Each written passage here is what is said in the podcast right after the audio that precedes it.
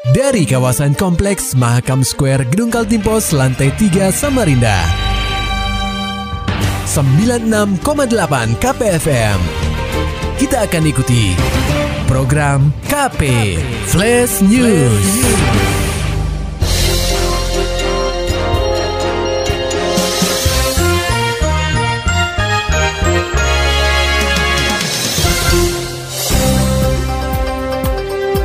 Anda sedang menyimak program KP Flash News bersama saya Agung Pratama. Berita utama. Pemerintah terus mendorong pelaksanaan vaksinasi agar capaiannya mendekati angka 100%. Khusus di benua etam terdapat empat kabupaten yang belum mencapai 60%, yakni Kutai Timur, Kutai Barat, Penajam Pasir Utara, dan Kutai Kartanegara. Hal itu disampaikan oleh Kapolda Kaltim Irjen Polisi Imam Sugianto dalam kunjungannya ke kota tepian guna memantau pelaksanaan vaksinasi bagi anak usia 6 hingga 11 tahun, lansia, dan booster di Budi Center pada Kamis 20 Januari 2021.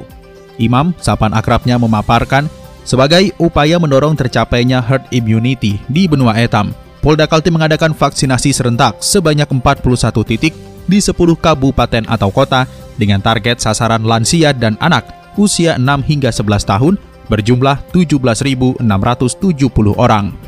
Jadi tadi kita video conference dengan para pimpinan daerah, Pak Bupati, dan Dim Kapolres, dan Forkopimda yang lain termasuk Ketua DPRD.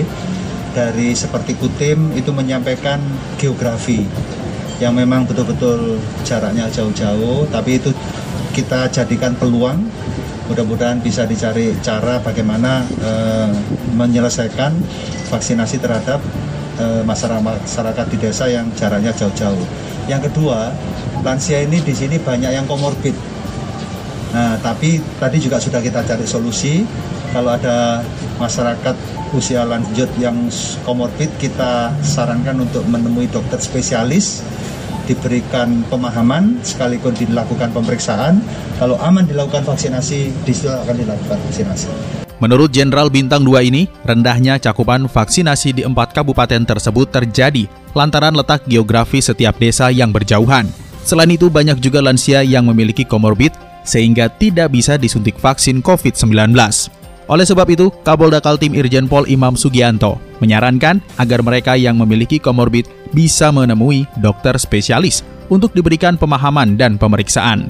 Jika dokter memberikan lampu hijau, maka mereka bisa mengunjungi gerai-gerai vaksin terdekat.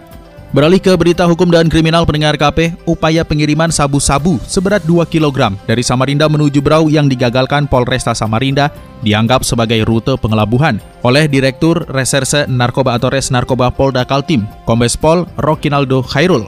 Menurutnya, peredaran narkotika di benua etam sebagian besar pasti melalui jalur utara otomatis barang haram itu melewati Berau terlebih dahulu untuk bisa masuk ke kota tepian.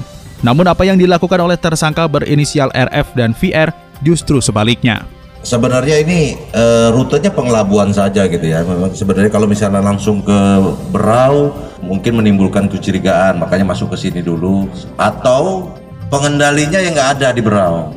Bukan tanpa alasan perwira melati dua ini berkata seperti itu mengingat orang yang mengendalikan dan menghadirkan barang haram tersebut di kota tepian adalah warga binaan dari lapas narkotika Samarinda.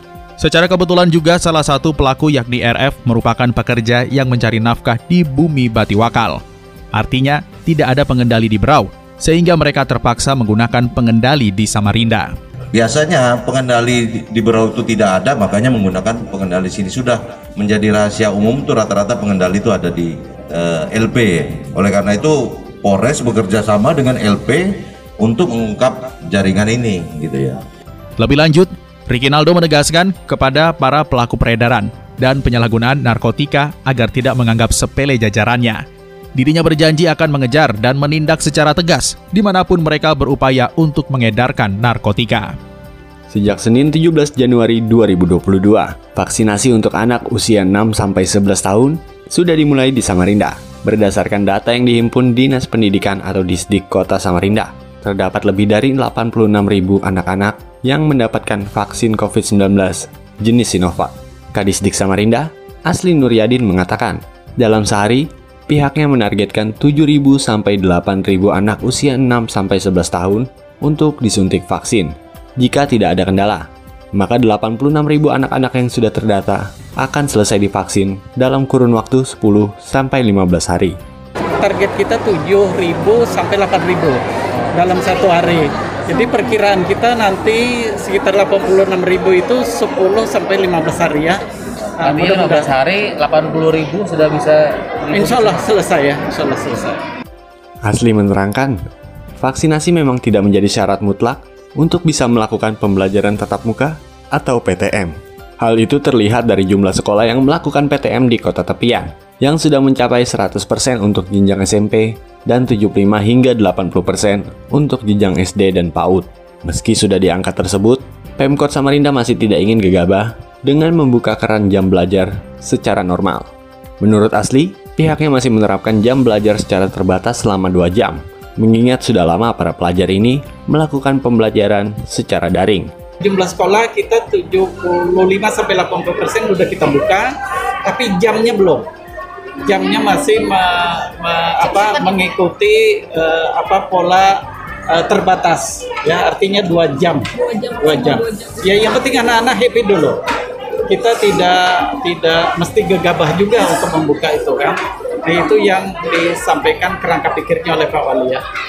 Lebih lanjut, Asli menyebut tidak menutup kemungkinan pihaknya akan membuka sekolah untuk jenjang SD dan PAUD hingga 100%. Namun dirinya lebih dulu memilih untuk memperhatikan perkembangan varian Omikron yang secara perlahan mulai menyebar di kota-kota besar Indonesia. KPFM Samarinda, Muhammad Urfajar melaporkan. Beralih ke berita selanjutnya pendengar KP, di hari ulang tahun ke-354 Samarinda, Wali Kota Andi Harun ingin kota tepian terus berbenah di berbagai sektor. Berita ini disampaikan rekan kami, Maulani Alamin. Pada 21 Januari 2022, Samarinda tepat menginjak usia ke-354 tahun dan Pemkot Samarinda ke-62 tahun. Sepanjang perjalanannya, Wali Kota Samarinda Andi Harun mengungkapkan bahwa usaha semaksimal mungkin terus dilakukan demi membangun kota tepian. Ada beberapa hal yang disebutkan Andi, mulai kebersihan kota, penataan infrastruktur, penanggulangan banjir, konsep smart city, hingga sektor pembangunan. Meski belum bisa diukur secara menyeluruh, pihaknya tetap bergerak, sebut saja dalam ranah penanggulangan banjir dan pembangunan infrastruktur. Saat ini memang belum bisa kita ukur, tetapi eh, mulai dirasakan bahwa pemerintah kota telah meletakkan dasar, telah mengirimkan pesan kepada semua masyarakat, ayo kita bersama-sama menanggulangi banjir. Pemerintah bergerak di sektor pembangunan infrastruktur, Walaupun keadaan dana serba terbatas, kita mulai membenahi drainase, kita akan mulai menambah kolam retensi, kita membenahi eh, bantaran Sungai Karamumus. Tak berhenti sampai di persoalan banjir. Wali Kota Andi Harun juga menyoroti soal penataan kota. Selama ini, menurutnya, pandangan bahwa Samarinda merupakan kota yang tak bersih terus dibenahi. Namun, sudah kurang lebih satu tahun, pihaknya membuktikan bahwa Samarinda mulai tertata dan bersih secara perlahan. membersihkan eh, apa kota dari dari image yang selama ini bahwa orang Samarinda itu nggak bisa bersih ternyata setelah kita melakukan kurang lebih hampir setahun eh, semua orang telah melihat bagaimana eh, Samarinda mulai tertata bersih dan eh, bahkan ada dari warga kabupaten kota lain coba kita bisa seperti Samarinda yang tiap hari progresnya bergerak bersungguh-sungguh membangun kota ini. Terkait persoalan kebersihan ini, Wali Kota Samarinda Andi Harun mengungkapkan, hal ini juga tak lepas dari peran masyarakat yang diminta agar terlibat aktif dalam membuang sampah pada tempatnya dan membiasakan diri agar tak terus-terusan membebani sungai. KPFM Samarinda, Maulani Al-Amin, melaporkan. Maulani Alamin, Muhammad Nur Fajar, KPFM Samarinda. Serta dapatkan berita-berita selengkapnya di www.968kpfm.co.id. Demikian tadi telah kita simak rangkaian berita-berita yang terangkum dalam program KP Flash News. Persembahan dari 96,8 KPFM. Terima kasih dan sampai jumpa.